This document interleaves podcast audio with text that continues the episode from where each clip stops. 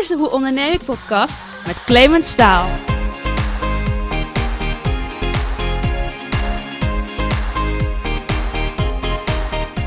Er zijn van die beroepen waarvan je misschien niet zo snel zou denken, daar ga ik in ondernemen. Nou, mijn gast van vandaag heeft zo'n beroep. Na de hotelschool heeft ze een aantal commerciële functies bekleed, waarna ze ook sinds 2004 voor zichzelf aan de slag is gegaan met workshops in het maken van sieraden. En hierin had ze een goedlopende business die ze in 2016 van de hand heeft gedaan toen ze een ommezwaai maakte naar waar ze vandaag de dag mee bezig is. Haar beroep? Uitvaartbegeleidster. Nou, vanaf het moment dat ik hiervan hoorde, ben ik nieuwsgierig naar haar verhaal. Het is een onderwerp waar de meeste mensen liever niet over nadenken, maar elke dag overlijden er in Nederland ongeveer 400 mensen. En Linda van Alve kwam in aanraking met deze branche en besloot het zelf heel anders te gaan doen. Wat drijft haar? Hoe creëert ze naamsbekendheid en haalt ze haar jaardoelstellingen?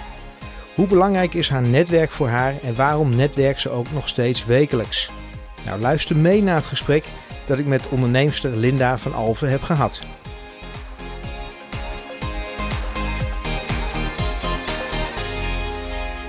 Hey Linda, hartstikke leuk dat jij in de Hoe Onderneem ik podcast zit. Een aantal jaren geleden uh, maakte jij opeens een switch. En ik dacht toen ik met deze podcast aan de slag ging, jou wil ik graag interviewen en graag weten wat, uh, ja, wat jou beweegt. Heb jij ondertussen jouw droombaan? Ja, ik heb zeker mijn droombaan, Clemens. Ja. Oké. ik ben heel blij met het vak wat ik nu doe. Ja. Um, en dat, uh, um, ja, dat draag ik ook uit. En daardoor voelt het niet alsof ik um, aan het werk ben. Dus het is niet alleen werk. Het is Mhm. gewoon, uh, je doet iets wat je heel mooi vindt eigenlijk. Ja. Wat maakte voor jou dat je deze keuze hebt gemaakt dan? Want het is een, een, een bijzonder vak wat je op dit moment doet. Ja, ik heb um, uh, 16 jaar geleden mijn schoonvader uh, verloren. Die is overleden toen. En um, wij kwamen eigenlijk in de molen dat we voor het eerst een uitvaart moesten organiseren met de familie. Um, nou, en ik had het nog nooit gedaan, dus je, je gaat eigenlijk mee met hoe dat, dan, uh, hoe dat dan loopt. En dat was een grote uitvaartonderneming, een van de drie grote, zal ik maar zeggen. En um, ja, hoe dat eigenlijk in zijn werk ging, verbaasde mij ontzettend. En um, nou, nadat ik die uitvaart gedaan had, of eigenlijk meegemaakt had, dacht ik, nou, dit kan toch heel anders. En dat was eigenlijk het eerste zaadje wat ik plantte ja. um, voor het vak van uitvaartbegeleider. Je zegt, uh, verbaast je heel erg? Uh, wat zijn een aantal van die dingen waarvan je zegt, hé, hey, maar dat, uh, dat had ik toch heel anders bedacht?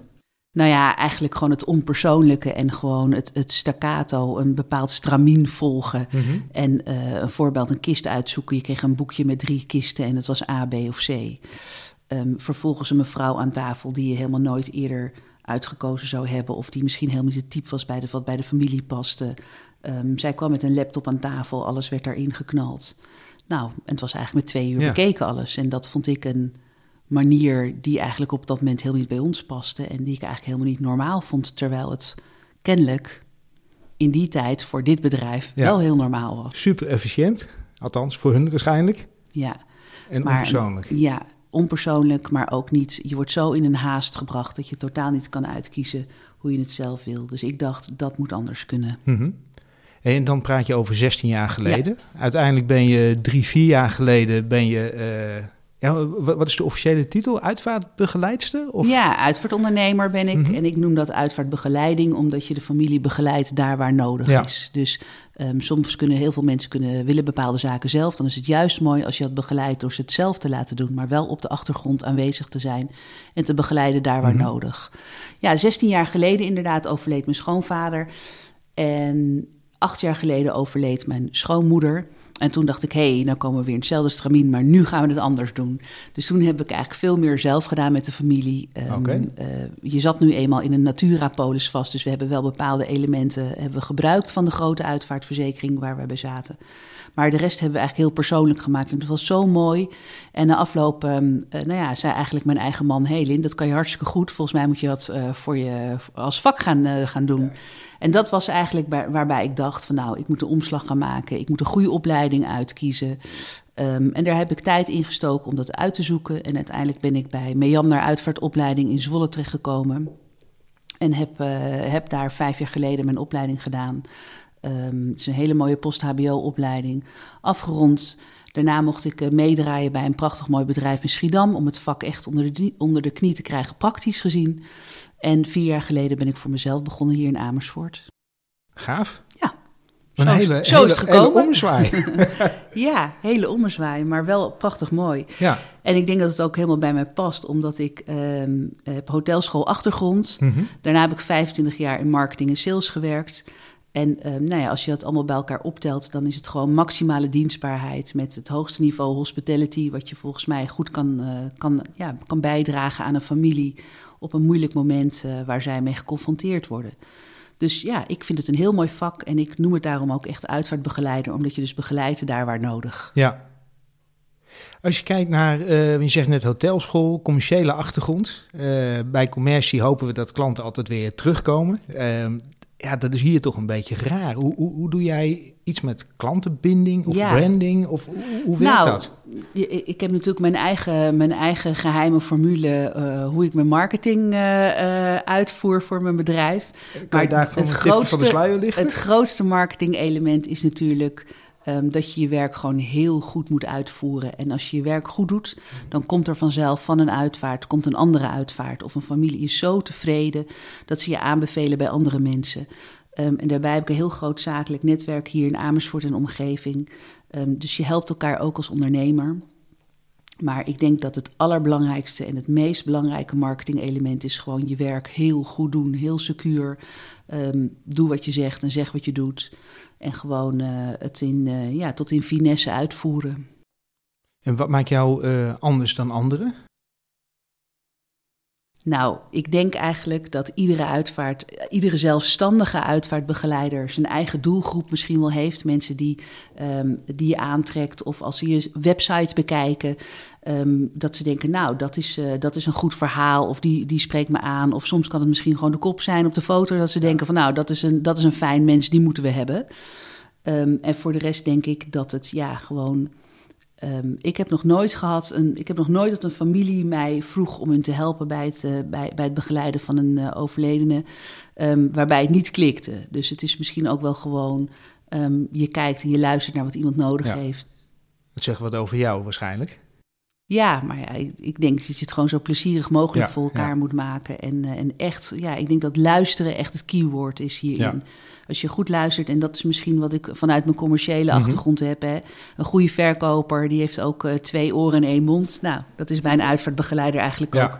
Je luistert en je kijkt en soms voel je veel dingen aan tafel. Hè. Dat is natuurlijk ook ehm, mijn interesse had ik altijd eigenlijk al in familieopstellingen. Wat gebeurt er in een familie en hoe zit dat eh, in elkaar? En dat, ook dat element, ja, dat neem ik mee. En voel ik gewoon als ik bij een familie aan tafel zit, voel ik wat van alles wat er gebeurt. eh, onderlinge verhoudingen. Spreek je eh, dat ook altijd uit? Of?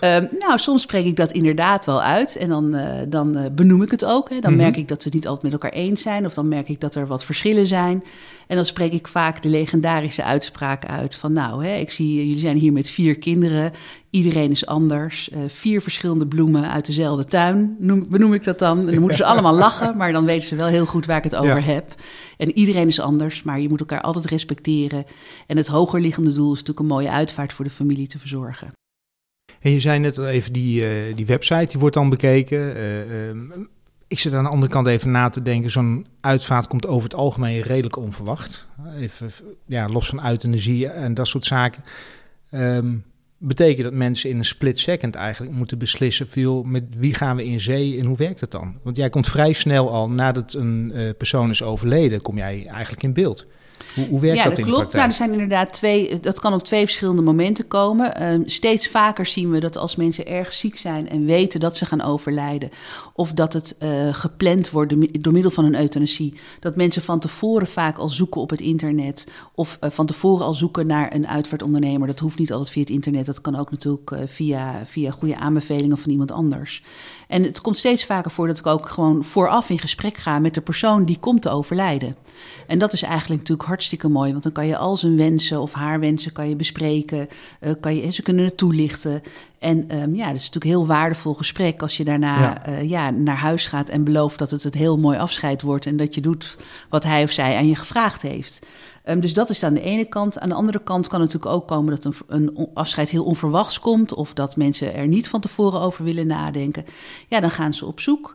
Um, of ze hebben mij gezien bij een andere uitvaart die ze, hè, wat, ze, wat ze mooi vonden. Of dat ze altijd bijgebleven is, dat het zo persoonlijk was. Of dat de familie zo tevreden was. Dus ja, dat, dat kan natuurlijk ook. Ja. Lig je ergens wakker van ook wel eens s'nachts? Want het zijn best intense dingen die je soms meemaakt. Althans, dat is mijn beeld daarbij. Um, nou ja, kijk, uh, er zijn natuurlijk wel verschillen qua heftigheid. Ja, er zijn dingen die mij natuurlijk ook wel raken. Maar ik probeer niet te absorberen. Ik probeer daar echt uh, de professional in te zijn. En een familie heeft niks uh, aan een uitvaartbegeleider die mee zit te huilen. Um, maar tuurlijk, het een, het een treft je meer dan het ander. Of um, ja, maar over het algemeen uh, kan ik dat heel goed uh, loslaten en daar als professional in staan. En we hebben het over, over ondernemerschap. In, in welke mate zie jij dit als, als onderneming? Of hoe zie jij de branche als, als, ja, als bedrijfsorganisatie misschien? Hoe, hoe, hoe kijk je daarnaar? Ja, de branche is natuurlijk heel erg uh, sterk aan het veranderen. Hè? Mm -hmm. uh, voorheen had je hele grote uitvaartondernemingen en een paar kleintjes en individuele. Dat was altijd vaak, ja, die hadden de minderheid. Uh, maar op dit moment, en dat is eigenlijk de afgelopen jaren natuurlijk al een opmars, komen er steeds meer kleine uitvaartondernemers. En worden de grote uitvaartondernemingen steeds kleiner of gaan samen. Wat natuurlijk nu ook op het moment is. Dus de branche is heel erg in beweging. En er wordt steeds vaker eigenlijk, ja, ook door, um, door families gezocht naar een kleine ondernemer. Omdat die juist veel meer voordelen kan hebben dan een grote onderneming. Um, het is persoonlijker. Je hebt één en dezelfde persoon van, van het begin tot het eind eigenlijk. Uh, en dat, kunnen, dat kan natuurlijk bij grote uitvaartondernemingen kan het nog wel eens anders zijn. Dat mensen toch in een rooster uh, werken en misschien de eerste drie dagen een familie bijstaat, maar daarna hun vrije dag heeft. Of ja, en dan krijg je weer iemand anders. En daarbij ook in de grotere uitvaartondernemingen heb je verschillende disciplines. Hè. Je hebt verzorging, je hebt uh, uitvaartbegeleiding, je kan een spreker hebben die weer anders is. En wat mijn vak juist zo mooi maakt en hoe ik het ook wil doen als, als zelfstandige, is dat ik het hele traject doe. Dus van verzorging tot en met als het moet een in memoriam schrijven of spreken. Alles kan wat de familie maar wil. Dat heb je allemaal binnen de opleiding meegekregen dan ja. zo? Okay. Ja, zeker. En dat is denk ik echt een heel groot voordeel. Um, ja, je hebt dus echt maar met één persoon te maken. Ja. En, um, en die staat alles bij. Dus het is ook een ook wel bijzonder, want in zo'n, op zo'n kwetsbaar moment natuurlijk ben je een soort, uh, ja, kom je, kom je zomaar bij een familie binnen en krijg je een hele vertrouwensband. En op een gegeven moment, misschien na een dag of acht, is dat ook weer voorbij. Kom ja. je misschien nog een keer, je gaat nog een keer op nagesprek. Ik, ik breng bijvoorbeeld altijd de factuur, die stuur ik nooit op, die breng ik langs. Ik kijk nog, ik vraag hoe het is. Ik vraag of ik nog wat zaken voor ze kan helpen met, met, met bijvoorbeeld uh, wat nazorg. Um, maar ja, dan is het ook weer afgelopen. Ja. Dus het is ook een soort van project. Het, het, heeft een begin en een eind. Het klinkt bijna als een event, inderdaad. Ja, maar, ja. nou ja, ik denk dat je het wel. Ik denk dat je het best wel met een, een, een wedding planner kan, kan vergelijken. Alleen uh, als je het over emotie hebt, zeker. Hè? Want ik denk dat de nodige brides to be uh, misschien nog wel veel erger zijn dan iemand die afscheid neemt. Ja. Maar uh, nee, ja, je, je zou het, een, een wedding planner is denk ik vergelijkbaar. Alleen hebben zij uh, drie tot vier maanden of misschien wel een half jaar tot een jaar de tijd. Mm-hmm. En wij als uitvaartondernemers moeten dat gewoon ja, vaak binnen ja. acht dagen, negen dagen max is het eigenlijk wel ja. gedaan. Er gebeurde dan ook regelmatig dat je in feite op je tenen loopt? Want dingen zijn niet te plannen soms. Nee, maar dat is denk ik helemaal hoe je er als mens zelf in staat. Hè? Ik bedoel, ik, um, ik wil eigenlijk nooit stress hebben. Dat heb ik ook mm-hmm. niet vaak. Dus dat, uh, want als ik stress heb, dan schiet dat ook. Dan, dan merken, merken families dat ook. Ja. En je moet juist de, de kalmte blijven. Dus nee, stressreductie is echt wel iets wat bij mij ja. uh, hoog in het vaandel staat. En waar ik ook eigenlijk uh, alles voor doe. Dus nee, ik heb niet echt ja. veel stress. Nee. Je, je, hebt vandaag een, een mooie uitvaart in de, in de planning staan, begreep ik, een grote. Wat, wat maakt het voor jou dat het, dat het interessant blijft, zeg maar, dit vak? Nou, iedere uitvaart is anders, iedere familie is anders, iedere, um, eh, het heeft er heel erg mee te maken. Hè? Is, het, is het iemand op leeftijd of is het een jonger iemand? Is het heel onverwachts of is het heel lang al, hè, zat het er heel lang aan te komen? Je hebt te maken met verschillende locaties, ehm, verschillende religies. Ehm, dus dat maakt het elke keer weer, weer anders en daardoor ook natuurlijk interessant en spannend voor mij. Omdat je gewoon, uh, ja, het is nooit hetzelfde. Ik ben niet van de ABC'tjes uh, en het is, ja, geen, geen enkele uitvaart is hetzelfde eigenlijk. Dus, um, en wat de uitvaart van morgen zo interessant maakt, is dat het om vier locaties gaat. Dus, uh, en een hele grote locatie in de binnenstad heeft. Dus dat is voor mij ook alweer een mooie uitdaging, waarbij je ook te maken hebt met ontheffing van bijvoorbeeld Um, zodat de, de, de statieauto uh, midden in de stad kan komen. En er komen allerlei andere praktische uh, situaties bij kijken. Dus het is nooit saai. En zeker morgen niet. Zijn er dan na zoveel jaren nog steeds dingen nieuw elke keer? Ja, oh, er zijn altijd weer nieuwe zaken. Um, en, dat, en dat kan zijn een, uh, doordat je bijvoorbeeld met een dominee samenwerkt die je niet kent. Of op een bepaalde begraafplaats komt waar je nooit eerder geweest bent. Of um, uh, prachtige, mooie live muziek die alleen maar, uh, waar alleen maar een, een uitvaart met alleen maar live muziek, waar je weer andere zaken moet, goed moet organiseren. Nee, geen enkele uitvaart is hetzelfde en dat is juist ook leuk. De, de uitdaging is daarin mooi, denk ik. Ja. Klinkt als, een, uh, klinkt als een mooi beroep, moet ik zeggen. Ja, Clemens, het is, uh, je kan nog overstappen hoor, absoluut. Ja, ik voel de roeping nog niet, eerlijk nee, gezegd. Nee, nee, nee, nee. Nou, ik, ik, ik denk dat het een prachtig mooi beroep is. En um, uh, dat je, dat je um, ja, dat brengt, het vraagt ook veel offers in je privéleven en van je familie en je gezin. Hè. Dat, dat is natuurlijk ook een zaak. Het is niet alleen maar roosgeur, maneschijn. Het is ook de, de telefoon die om half drie s'nachts gaat. Of um, uh, de, de, kerstdag die even uh, niet ja, doorgaat. Uh, ja, ja, of, of, anders gaat dan gepland. Um, of als je heerlijk een dagje aan het strand bent met je gezin. en halverwege de dag gaat de telefoon. en ik ga eerder terug en de rest blijft gewoon. Dus um, nee, het vraagt, het vraagt het nodige. Maar dat zijn we hier thuis gewend. En ja, dat vinden ze ook totaal niet erg. Is dat ook ondernemerschap voor jou? Ja, zeker ondernemerschap. Zeker. En ik zou dit ook niet um, kunnen in een, uh, in een werknemersverband. Uh, wat, wat, maakt het anders? Want in ja, het verleden heb je ook als werknemer gewerkt, onder andere ja, in commerciële nee, maar, functies. Ja, zeker. Maar um, ik, ik heb eigenlijk inderdaad uh, bij een heel groot bedrijf gewerkt als accountmanager. En um, nee, dit vak wil ik niet voor een grote onderneming doen. Dit vak wil ik alleen maar voor mezelf doen, omdat ik zelf de grens wil bepalen hoe ver ik wil gaan voor een familie. Mm -hmm. En um, ik zou dat heel lastig vind, vinden als iemand anders mij daar uh, in een bepaald kader zou drukken. Dus uh, nee, dienstver, dienstver, dienstverlening tot de max. Ja, en uh, ja. niet. Nee, en ook niet dat je bijvoorbeeld daar maar 20 uur in mag steken of zo. Nee, als ik in een uitvaart op een gegeven moment uh, 32 uur wil steken of uh, doe gek een keer een hele grote uitvaart, extreem veel uren, dan moet dat gewoon kunnen. Ja. Dus nee, dit, ik vind dit echt ondernemerschap en zo is het ook alleen maar de enige vorm hoe ik het, uh, hoe ik het zelf zou willen doen. Ja. Wat maakt het voor jou dat het echt ondernemerschap is en niet ja, ik zou bijna zeggen inderdaad een soort, soort job, loondienstachtig? Nee, ik, nou, ik, ik vind het heerlijk om zelf uh, mijn leveranciers uit te kiezen, om daar een goede band mee op te bouwen, om loyaal aan hun te zijn, zodat je dat ook terugkrijgt mm -hmm. van je leveranciers. Ik merk dat, uh, daar ben ik heel blij mee. Leveranciers waar ik mee werk zijn ook blij met mij. Um, als ze iets heel goed gedaan hebben, dan geef ik dat ook altijd terug. Um, weet je, dus echt de complimenten. Ja, ik, ik, ik kan niet zonder mijn vaste vervoerder. Ja. En ik kan niet zonder een, uh, een fantastische thuisbasis als Rusthof bijvoorbeeld, de begraafplaats en het crematorium hier in Leusden. Um, ja, als die mensen gewoon uh, op een bepaald niveau werken waar ik me prettig bij voel en wat, ik, ja, wat ook mijn maatstaven zijn, ben ik daar heel blij mee. Dus ik ben wel een, uh, ik ben een, een, een, een zeikert voor ze, denk ik. maar wel altijd, kritisch, uh, ten, ja. ja. kritisch, ja. dat is een ja. mooi woord. Maar altijd wel ten positieve voor de families. En dat krijg ik ook terug dan in mijn evaluatieformulieren, die ik altijd ook geef aan de familie in de afloop. En ook daarin worden dan de leveranciers ook wel genoemd van wat, wat een fijne chauffeur of wat een fijne medewerker van Rusthof of dat soort zaken. En dat vind ik ook belangrijk. Ja. Je zei net, als dingen goed verlopen, dan geef ik dat terug aan de betreffende partijen. Ja. Ja. Volgens mij lees ik tussen de regels door, ook als het minder loopt, krijgen ze dat terug. Ja, uh, maar ik ben wel, ik ben zo'n controlfreak dat ik ook wel van tevoren heel veel afkader okay. en dat wel echt afstem. En als het dan, uh, uh, nou ja, als het dan nog niet loopt zoals ik wil, dan krijgen ze dat zeker terug. Maar wel altijd positief opbouwend voor een volgende keer. En fout kan je allemaal maken, maar als je hem twee keer maakt, is het echt stom, zeg maar. Ja. En ja, een kan je uitvaart. bijna niet opnieuw nee, doen. en bij een uitvaart Nee. moet het gewoon goed zijn. Dus eh, het- eigenlijk is het allerbelangrijkste van dit vak volgens mij dat je risicomijdend te werk gaat. Overal waar het fout zou kunnen gaan, daar bespreek je nog een keer. Ja. Een goed helder draaiboek, alle partijen goed afgestemd. Nou, dan kan je al zoveel ondervangen.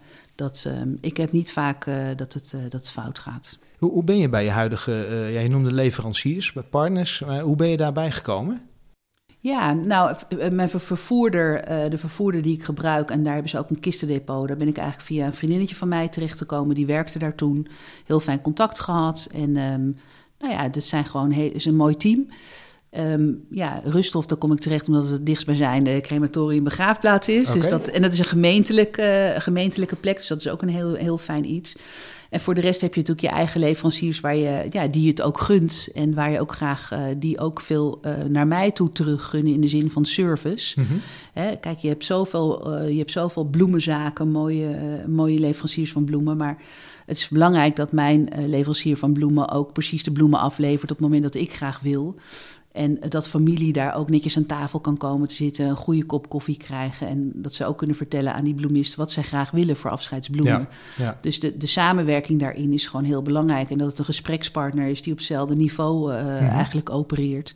Dat vind ik heel erg belangrijk. Dus ja, zo. ja, eh, je zegt bloemen, eh, fotograaf zie ik op je website Ja. staan. En natuurlijk ook andere fotograaf partijen. hetzelfde, Ja. super fijne fotograaf. Esther is eh, altijd op de goede plek aanwezig, maar valt nooit op, weet je. Eh, ehm, loopt op de sneakers. Eh, niemand heeft eigenlijk door dat ze foto's maakt. Nou, dat zijn gewoon zaken die je van tevoren afspreekt.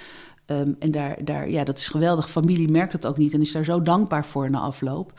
En inderdaad ook, eh, weet je, ehm, ik heb nog nooit koffie met cake geserveerd. Maar als er wat lekkers eh, bij de koffie geserveerd wordt, dan komt dat van een goede patisserie. Ja. Weet je, en die zijn ook heel servicegericht. Dus Mhm. dat, is, dat is altijd, Ja. ja, zo, zo kies ik ze uit. Je noemt Esther even op sneakers. Eh er Ja. kwam ergens een artikel tegen op LinkedIn, geloof ik. Uitvaartonderneemster op sneakers. Een Ja. geweldige uitspraak. Ja, er was een, een dame, een collega van mij uit Hilversum, die noemde mij zo. Die zei, oh ja, jij bent de uitvaartondernemer op sneakers. Nou, ik heb inderdaad heel vaak sneakers aan. Niet op de dag van de uitvaart zelf natuurlijk. Dan eh, ben ik keurig eh, netjes, eh heb ik keurige hakken, maar die geen geluid maken onder mijn, onder mijn kleding. Maar ehm, ja, nee, ja, ik vind het heerlijk om gewoon door de week ook in normale kleding te lopen. En gewoon bij de mensen thuis ook gewoon als mijn persoon te komen. En niet in Ja. een uniform of, of strenge jurk, helemaal niet. En mensen geven het ook altijd terug dat ze dat fijn vinden. En eh, ja, ik ben ook een gewoon Ja. mens. Dus, eh, Ja, terecht. Maar, eh, een mooie, mooie uitspraak wat dat betreft. Uitvaartondernemster op nou ja, ik heb hem niet zelf bedacht. Het was een hele leuke collega uit Hilversum die mij zo Ja. noemde. En nou ja, prima. Ik vond het grappig. Ik voel me er wel goed bij eigenlijk. Hey, naast dat je huidige leveranciers hebt en met een aantal heel intensief samenwerkt, netwerk jij ook heel veel. Want je bent al jaren betrokken bij bij BNI, Business Network International. En jij begeleidt een aantal groepen. Eh, wat maakt het dat voor jou nog steeds leuk is? Want Ja. Je, hebt, a- je hebt een aantal vaste partijen, dus waarom zou je dat nog steeds gaan doen? Nou, eh, BNI is een, eh, ehm, een ontzettend goed netwerk, vind ik, hier in de regio Gooi en Amsterdam.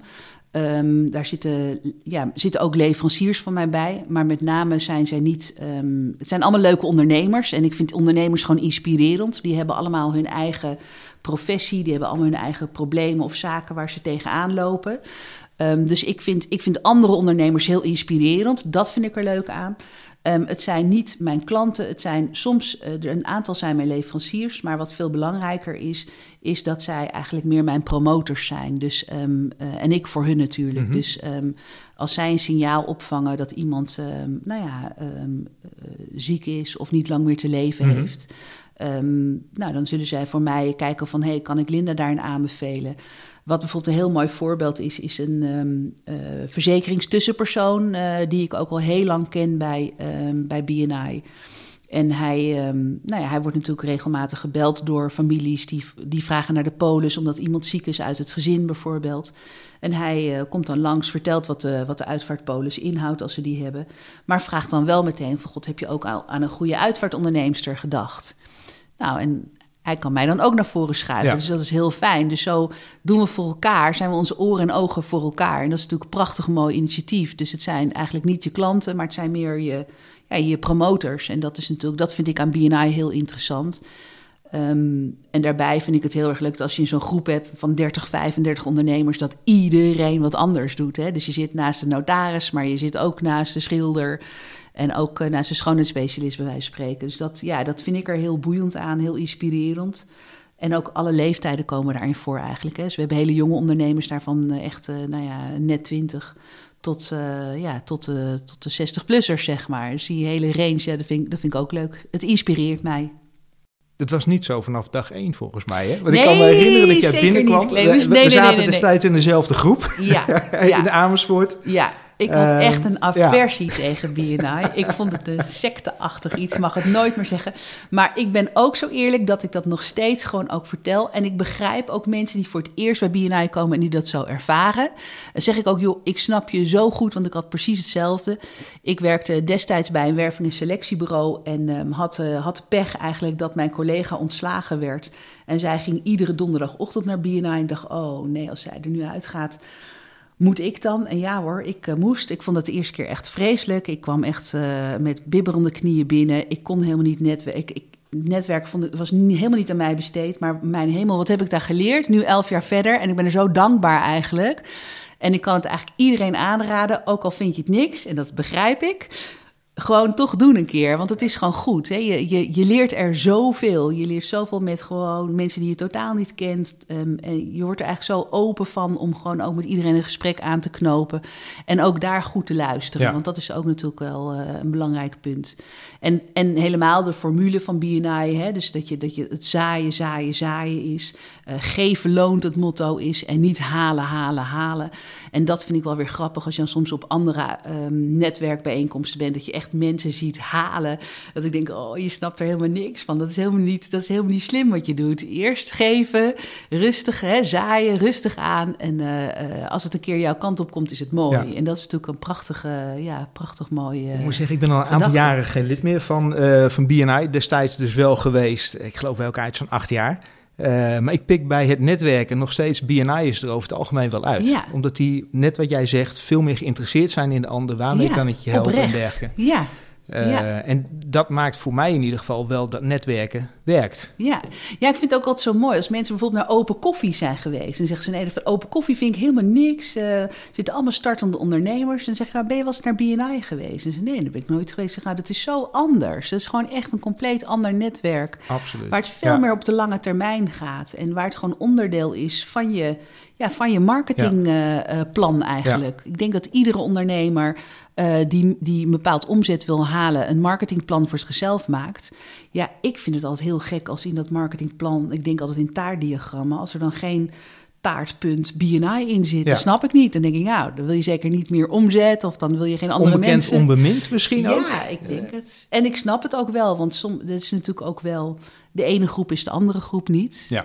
En uh, ik begeleid de groep in Amersfoort en in Baren. Dat vind ik natuurlijk de leukste groepen die er uiteraard, zijn. Dat weten uiteraard. ze allebei. Ja, dat, dat, weten ze allebei, die groepen. Um, ja, en ik denk dat het, uh, dat, dat zeker uh, slim is voor ondernemers om daar eens te gaan kijken. Maar sowieso hebben heel veel mensen toch een een of andere antipathie tegen netwerken. Dat is ja. mannen en vrouwen in pak en dat is afstandelijk en dat soort zaken. Terwijl de praktijk natuurlijk toch heel anders is. Maar dan moet je wel eerst even gaan kijken. Ja, mee eens. En ik denk als je naar een BNI-netwerkgroep gaat, dat daar bijna, nou, misschien zijn op één hand te tellen die een pak aan hebben. En de rest ja. is allemaal gewoon uh, casual. Net echte mensen. Ja, ja. En, en dat, dat is toch wel, ja, er is een soort, uh, ja, verkeerd beeld, denk ik. Ja. En ik vind het wel grappig dat jij zegt, veel, ik ben nog steeds aan het netwerken. Uh, want ik kan me voorstellen dat een heleboel ondernemers denken, ah, dat netwerken, dat is helemaal niks voor mij. Maar als ik dan hoor wat jij doet in jouw professie en dan vervolgens toch nog steeds gaat netwerken, terwijl dat je gewoon je vaste leveranciers hebt, um, zou je dat aanraden aan anderen? Zie jij voor elk beroep zeg maar dat netwerken werkt?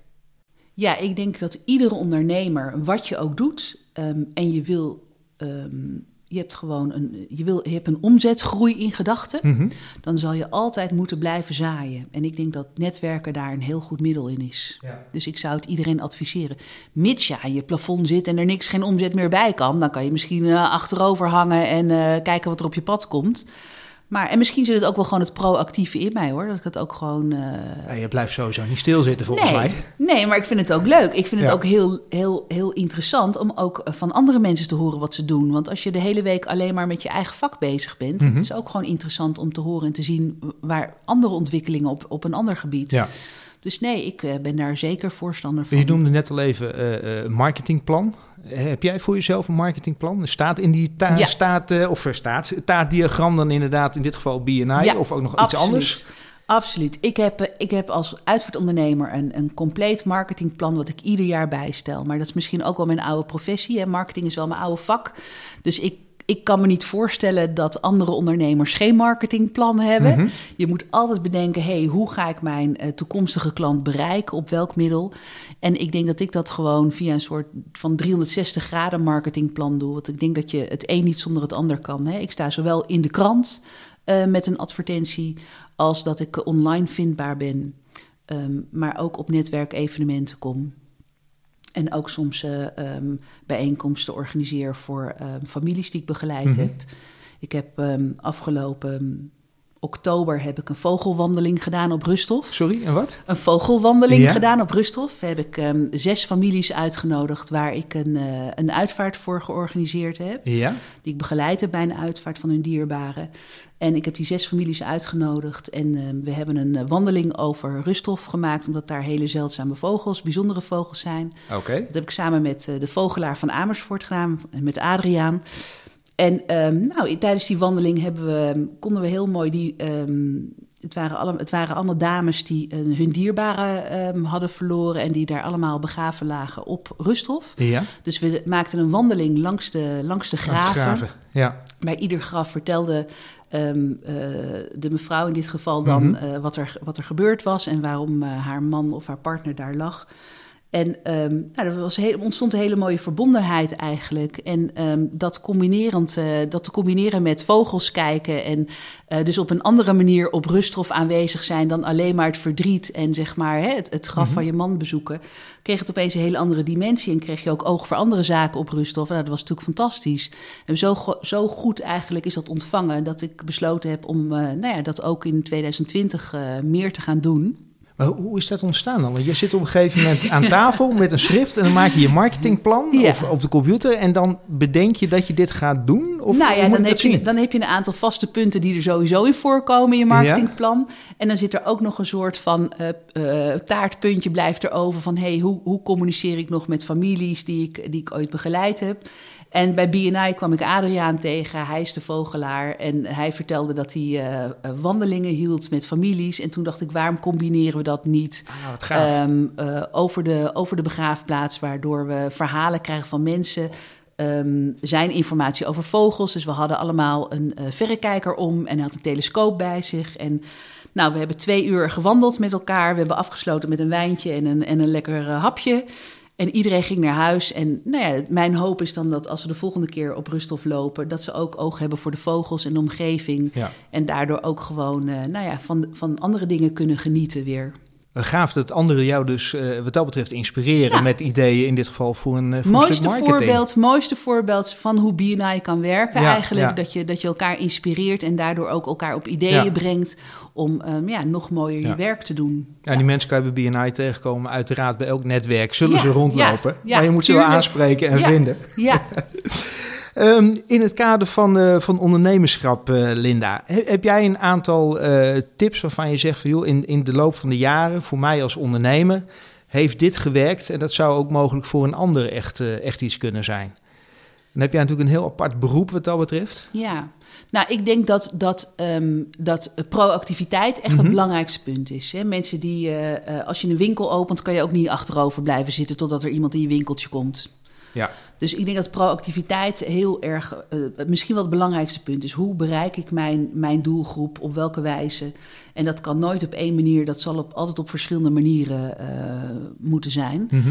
Ehm, een ander element is dat je, ik denk dat je heel goed moet kijken naar, naar je leveranciers en je inkoop. En heel ehm, goed voor je leveranciers moet zijn. Dus eh, op het moment dat je een rekening krijgt, hup, meteen betalen. Hè. Ik denk dat betalingsgedrag is ook imago. Dus ik denk dat dat heel belangrijk is. Op het moment dat je altijd je leveranciers direct betaalt, eh, zullen zij ook meer voor jou willen doen.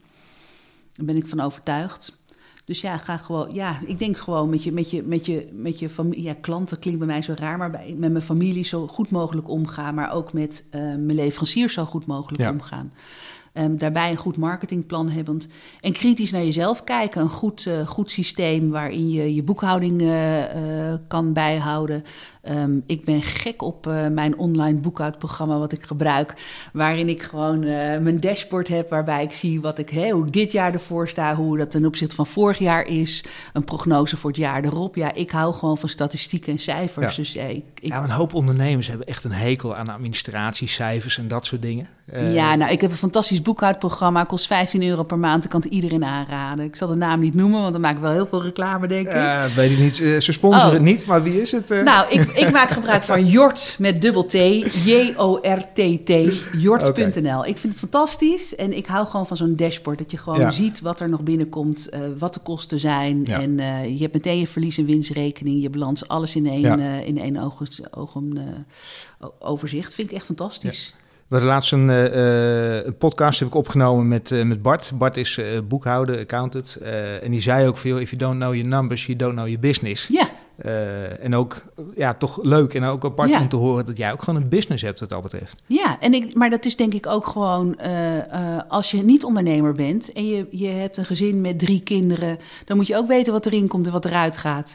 Dus dat is ook een, dat is een thuisonderneming. Dus ja, ik zie dat eigenlijk niet anders dan, dan dat. Dus het is gewoon, ja. Je zei net als derde tip, eh, wees kritisch. Ja. Ehm, eh, op welke manier ben jij zelf met, eh, ja, kijk jezelf in de spiegel, om het zo te zeggen. Ja, Blijf nou- jij jezelf ontwikkelen? Ja, ik ben behoorlijk kritisch op mezelf. Soms tot het irritant aan af. Dat ik denk, nou, misschien moet ik wat milder worden. Maar ja, weet je, in dit vak is het gewoon... het valt of staat bij hoe je het uitvoert. Het valt bij... de- het, ja, de details zijn zo belangrijk, weet je. En ik denk dat je het verschil maakt door gewoon... als je schoonheid toevoegt aan een uitvaart... en dat kunnen vaak hele kleine zaken zijn... Ja, dus ik, ik vind dat het noodzakelijk is om kritisch te zijn voor mezelf. Ja. Mooi. Ter afsluiting heb ik nog een vraag niet gesteld die ik eh, wel aan jou had moeten stellen. Oeh, ehm, nou, ik weet het niet, eh, Clemens. Ik vind het wel... eh, Nee, ik denk dat je alles gevraagd hebt. En ik vond het heel erg leuk om, deze, om mee te werken aan deze podcast. En ehm, ja, ik hoop dat ik andere ondernemers inspireer om, eh, om eh, nou ja, proactief te zijn en Ja. niet af te wachten. Top, mooi. Jij eh, gaat je sneakers aantrekken, je gaat Ja. naar de kerk. Ik en, ga, snel, ja, ik ga snel mijn spulletjes klaarzetten voor morgen voor de uitvaart. Ja, Heel goed, dit soort dingen komen altijd onverwacht. ja. Ik, ik wens je een hele succesvolle business toe. dankjewel Clemens, dankjewel. Ja, wauw. Wat een bijzonder beroep heeft Linda. Uitvaartbegeleidster op sneakers. Een beroep in eh, droevige en bijzondere momenten, waarbij mensen niet altijd op een prettige manier het aardse verruilen voor het eeuwige. En Linda heeft daarin een heel duidelijke missie waarin ze graag het verschil wil maken in deze branche.